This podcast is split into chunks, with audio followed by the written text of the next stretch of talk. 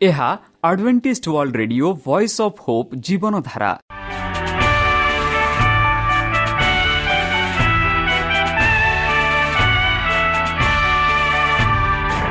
Odia radio କାର୍ଯ୍ୟକ୍ରମ ଯାହା ଆମର ଆନ୍ତର୍ଜାତୀୟ ଆଘାତ କେନ୍ଦ୍ରରୁ ପ୍ରସାରଣ କରାଯାଉଛି ପ୍ରତିଦିନ ରାତି ନଅଟା ତିରିଶ ମିନିଟ୍ରେ। ମୁଁ ସୁବ୍ରତ କୁମାର ପତି ପ୍ରେମର ସହ ଆପଣମାନଙ୍କୁ ଏହି କାର୍ଯ୍ୟକ୍ରମକୁ ସ୍ୱାଗତ କରୁଅଛି। ଚାଲନ୍ତୁ ଆଜିର ତିରିଶ ମିନିଟ୍ର କାର୍ଯ୍ୟକ୍ରମ ବିଷୟରେ ଜାଣିନେବା। ପ୍ରଥମେ ରଖିଛୁ ଆଧ୍ୟାତ୍ମିକ ଭକ୍ତିମୟ ଗୀତ। ଏହାପରେ ଶୁଣିବା ସ୍ୱାସ୍ଥ୍ୟ ବିଷୟରେ ଯାହା ଆମର ଦୈନିକ ଜୀବନରେ ଅତ୍ୟନ୍ତ ଜରୁରୀ। ଆଉ ପରିଶେଷରେ ଶୁଣିବା ପରମେଶ୍ୱରଙ୍କ ଭକ୍ତଙ୍କଠାରୁ ଜୀବନଦାୟକ ଈଶ୍ୱରଙ୍କ ବାକ୍ୟ। ପ୍ରିୟ ଶ୍ରୋତା ତାହେଲେ ଚାଲନ୍ତୁ ଶୁଣିବା ଏକ ଆଧ୍ୟାତ୍ମିକ ଭକ୍ତିମୟ ଗୀତ।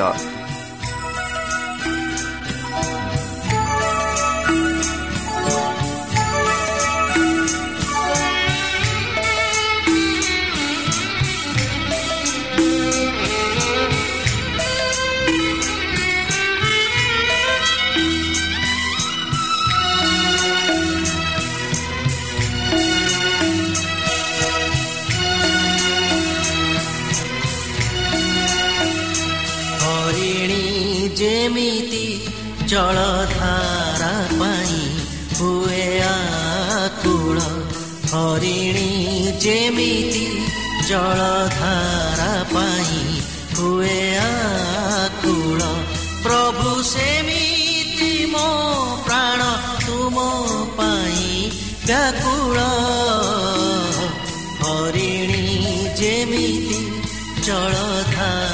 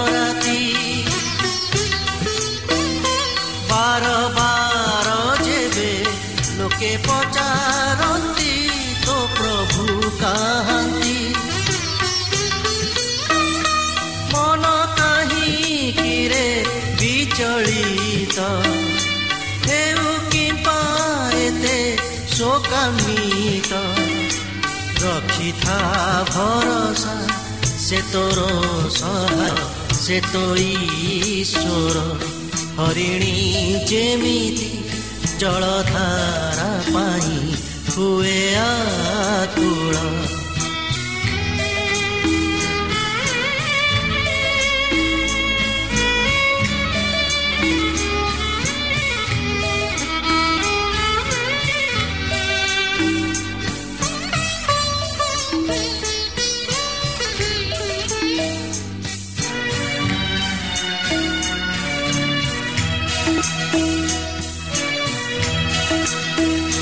ଢାଳି ଦେବେ ତାଙ୍କ ପ୍ରେମ ଅନୁଗ୍ରହ ସିଏ ଦିବସରେ ରାତିରେ ଗାଇବି ପ୍ରାର୍ଥନା ତୋଳିବି ତାଙ୍କ ଉଦ୍ଦେଶ୍ୟରେ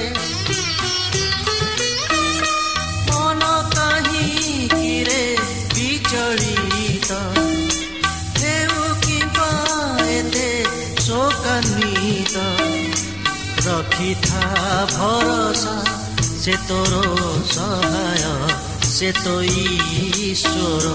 ହରିଣୀ ଯେମିତି ଜଳଧାରା ପାଇଁ ହୁଏ ଆକୁଳ ହରିଣୀ ଯେମିତି ଜଳଧାରା ପାଇଁ ହୁଏ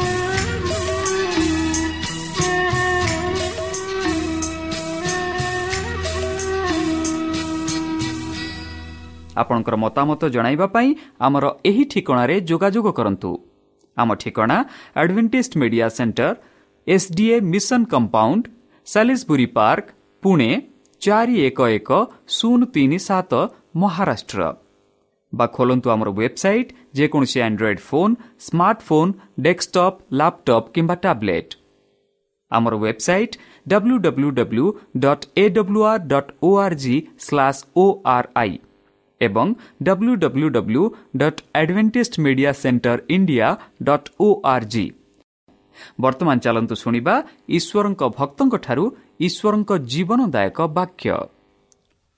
ତୋଡ଼ାର ଯତ୍ନକାରୀ ଭାଗ ଏକ। ନମସ୍କାର ପ୍ରିୟ ଶ୍ରୋତା ସେହି ସର୍ବଶକ୍ତି ସର୍ବଜ୍ଞାନୀ ପ୍ରେମର ସାଗର ଦୟାମୟ ଅନ୍ତର୍ଜମୀ ଅନୁଗ୍ରହ ପରମ ପିତାଙ୍କ ମଧୁର ନାମରେ ମୁଁ ପାଷ୍ଟ ଚନ୍ଦ୍ର ଆଉ ଥରେ ଆପଣମାନଙ୍କୁ ଏହି କାର୍ଯ୍ୟକ୍ରମରେ ସ୍ୱାଗତ କରୁଅଛି। ସେହି ସର୍ବଶକ୍ତି ପରମେଶ୍ୱର ଆପଣମାନଙ୍କୁ ଆଶୀର୍ବାଦ କରନ୍ତୁ। ଆପଣଙ୍କୁ ସମସ୍ତ ପ୍ରକାର ଦୁଃଖ କଷ୍ଟ ବାଧା କ୍ଲେଶ ଓ ରୋଗରୁ ଦୂରେଇ ରଖନ୍ତୁ। ଶତ୍ରୁ ସୈତାନ ହସ୍ତରୁ ସେ ଆପଣମାନଙ୍କୁ ସୁରକ୍ଷାରେ ରଖନ୍ତୁ। ତାହାଙ୍କ ପ୍ରେମ ତାହାଙ୍କ ସ୍ନେହ ତାହାଙ୍କ କୃପା ତାହାଙ୍କ ଅନୁଗ୍ରହ ସଦାସର୍ବଦା ଆପଣଙ୍କଠାରେ ସହବର୍ତ୍ତୀ ରହ। ପ୍ରିୟ ଶ୍ରୋତା ଚାଲନ୍ତୁ ଆଜି ଆମ୍ଭେମାନେ କିଛି ସମୟ ପବିତ୍ର ଶାସ୍ତ୍ର ବାଇବଲଠୁ ତାହାଙ୍କ ଜୀବନଦାୟକ ବାକ୍ୟ ଧ୍ୟାନ କରିବା। ଆଜିର ଆଲୋଚନା ହେଉଛି ତୋଡ଼ାର ଯତ୍ନକାରୀ। ବନ୍ଧୁ ସମସ୍ତଙ୍କୁ ପରମେଶ୍ୱର କୌଣସି ବା କୌଣସି ଏକ ତୋଡ଼ା ଦେଇଅଛନ୍ତି ଯାହାକୁ ଆମେ ବାସ୍ତବିକରେ ବ୍ୟବହାର କରିବା ଉଚିତ। ହୋଇପାରେ ସୁନ୍ଦର ଭାବରେ ଗୀତ ଗାଇବାର ହୋଇପାରେ ସୁନ୍ଦର ଭାବରେ ଭାଷଣ ଦେଇପାରିବାର ହୋଇପାରେ ସୁନ୍ଦର ଭାବରେ କଥା କହିପାର ଅନ୍ୟ ବିଭିନ୍ନ ପ୍ରକାର ତୋଡ଼ା ପରମେଶ୍ୱର ମାନଙ୍କୁ ଦେଇଛନ୍ତି ଯାହାକି ଆମେ ଇଂରାଜୀରେ କହୁଛୁ ଟ୍ୟାଲେଣ୍ଟସ୍ ବା ବୁଦ୍ଧି ବା ଜ୍ଞାନ। ଯେପରିକି ମାଥିଓ ତାର ପଚିଶ ଚଉଦ ପନ୍ଦରରେ ଆମେ ପାଉଛୁ ଏକ ମାଲିକ ଆପନା ସମସ୍ତ ଧନ ଆପନା ଦାସମାନଙ୍କୁ ଦାୟିତ୍ୱ ଦେଇ ଏକ ଭିନ୍ନ ଦେଶକୁ ଯାତ୍ରା କରୁଛନ୍ତି। ଆଉ ଯେବେ ସେ ଯାତ୍ରା କରିବା ପୂର୍ବେ ସେ ଆପନା ଦାସମାନଙ୍କୁ ଡାକି ସେମାନଙ୍କୁ ବିଭିନ୍ନ ଦାୟିତ୍ୱରେ ସେମାନଙ୍କୁ ସମର୍ପଣ କରୁଛନ୍ତି।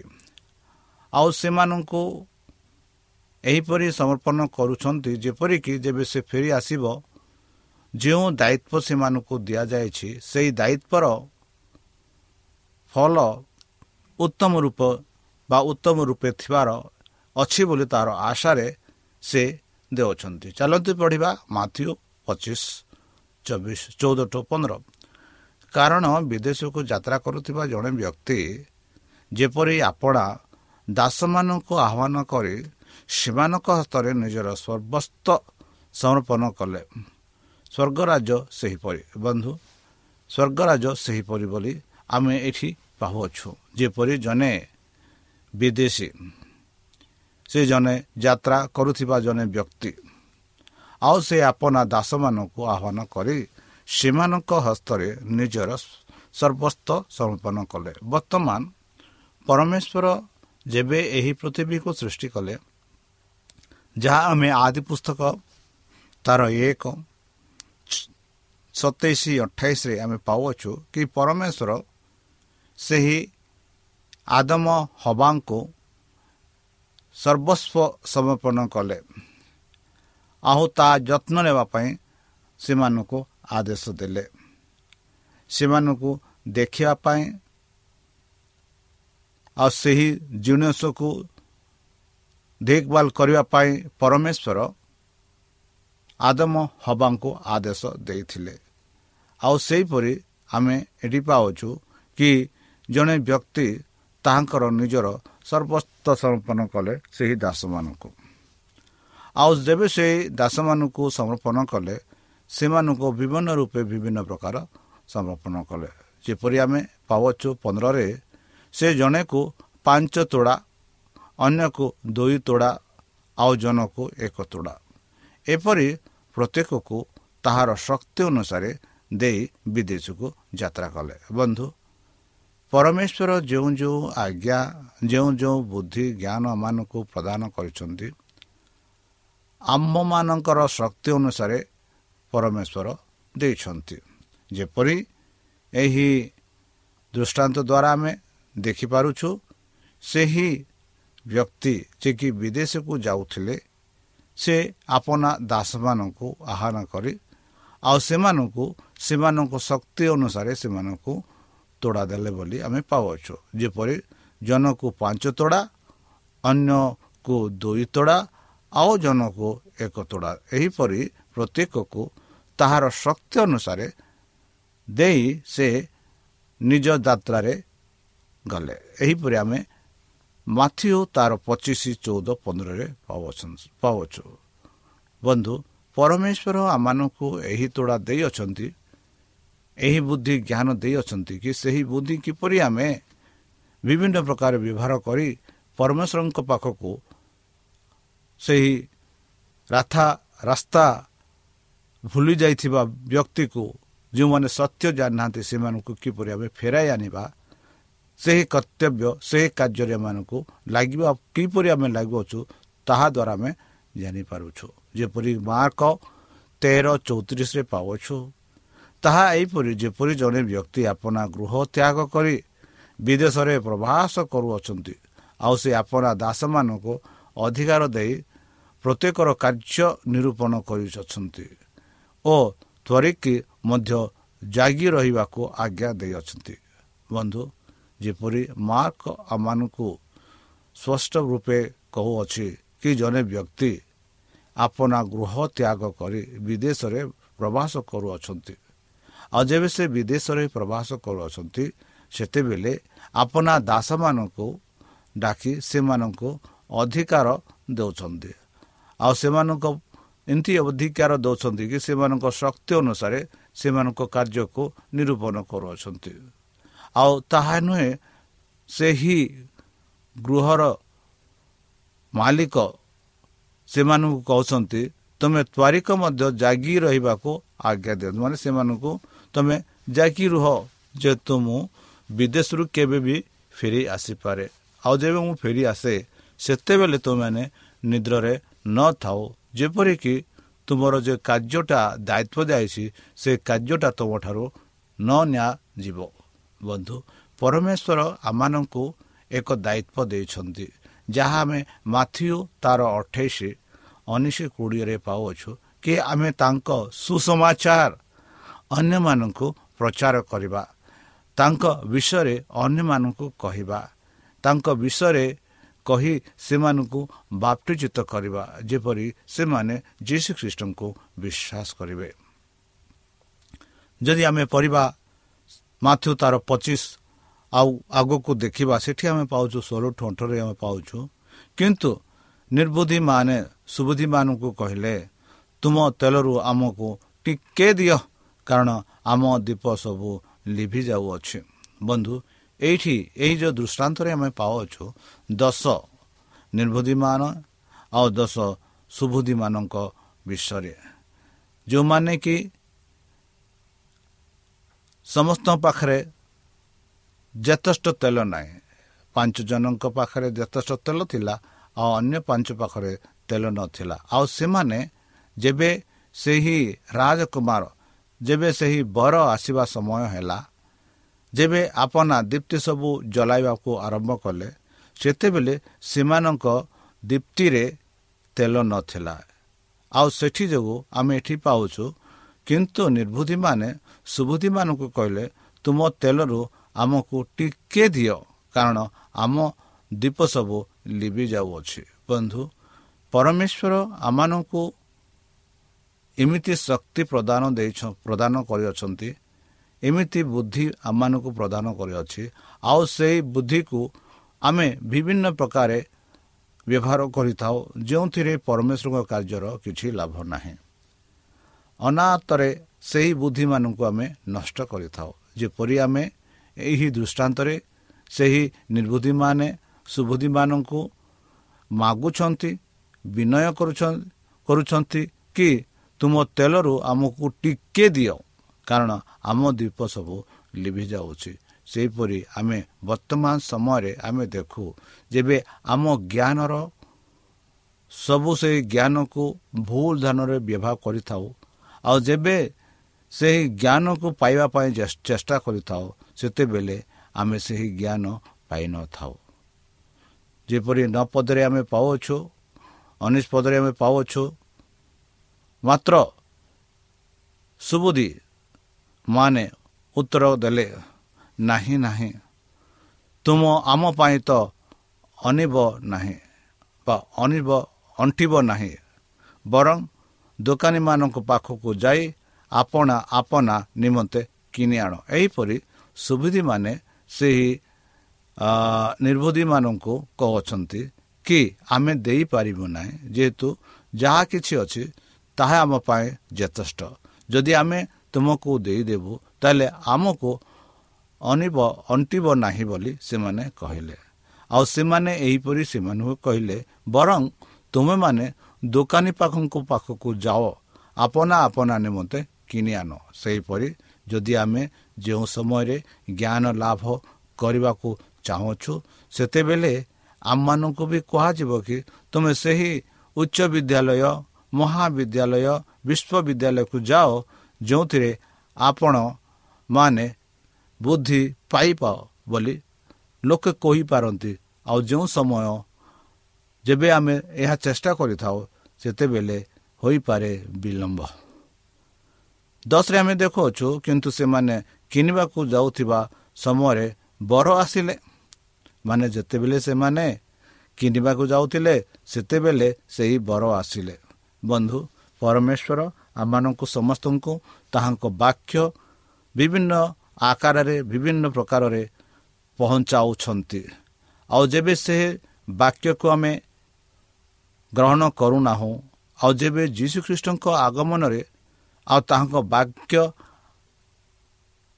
ମାନିବା ପାଇଁ ଚେଷ୍ଟା କରିଥାଉ ସେତେବେଳେ କ'ଣ ହୋଇଥାଏ? ବିଳମ୍ବ ହୋଇଥାଏ। ପୁଣି ଯେଉଁମାନେ ପ୍ରସ୍ତୁତ ଥିଲେ ସେମାନେ ତାଙ୍କ ସହିତ ବିବାହ ଉତ୍ସବରେ ଯୋଗଦାନ କରିବା ନିମନ୍ତେ ଗୃହରେ ପ୍ରବେଶ କଲେ। ଆଉ ଦ୍ୱାର ବନ୍ଦ କରାଗଲା। ଦେଖନ୍ତୁ ବନ୍ଧୁ ଯେତେ ଲୋକ ସେହି ସମୟରେ ସେହି ପାଞ୍ଚ ସୁବୁଦ୍ଧି ମାନେ ସ୍ତ୍ରୀମାନେ ପ୍ରସ୍ତୁତ ଥିଲେ।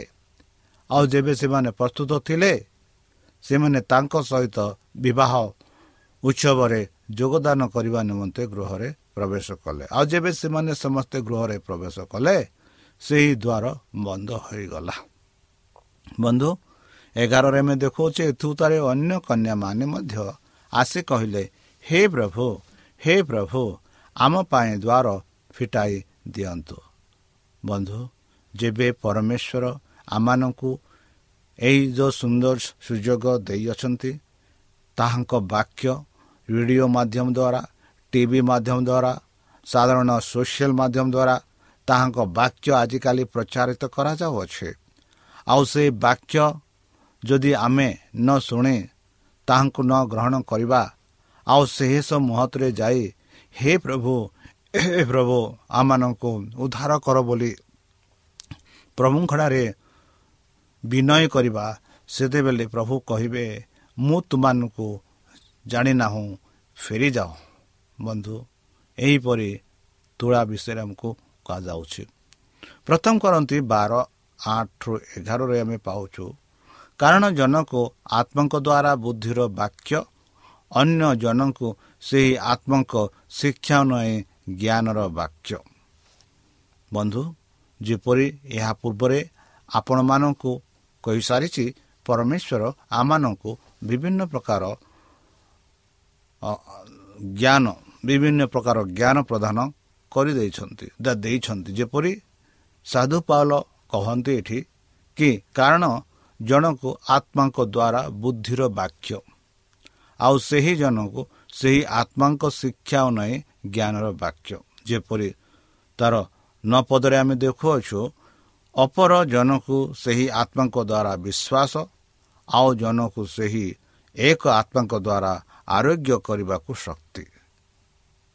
ତାହା ନୁହେଁ ଅନ୍ୟ ଜଣକୁ ନାନା ଶକ୍ତିର କାର୍ଯ୍ୟ ସାଧନ କରିବାର ଆଉ ଜଣକୁ ଭାବବାଣୀ କହିବାର ଅନ୍ୟ ଜଣକୁ ଭିନ୍ନ ଭିନ୍ନ ଆତ୍ମା ଚିହ୍ନିବାର ଆଉ ଜଣକୁ ବିଚ୍ଛିନ୍ନ ପରଭାଷା କରିବାର ଅନ୍ୟ ଜଣକୁ ଭାଷାର ଅର୍ଥ କରିବାକୁ ଶକ୍ତି ଦାନ କରାଯାଏ। ଦେଖ ବନ୍ଧୁ ପରମେଶ୍ୱର ସମସ୍ତଙ୍କୁ ଜ୍ଞାନ ଦେଇଛନ୍ତି।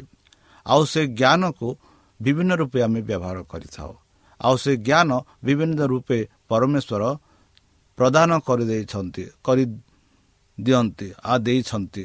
ଆଉ ସେହି ଜ୍ଞାନକୁ ଯଦି ଆମେ ସେହି ପରମେଶ୍ୱରଙ୍କ ଇଚ୍ଛାର ରୂପେ ବ୍ୟବହାର କରିଥିବା ତାହେଲେ ପରମେଶ୍ୱରଙ୍କ ନାମ ଗୌରବ ଅପ୍ରଶଂସିତ ହେବ।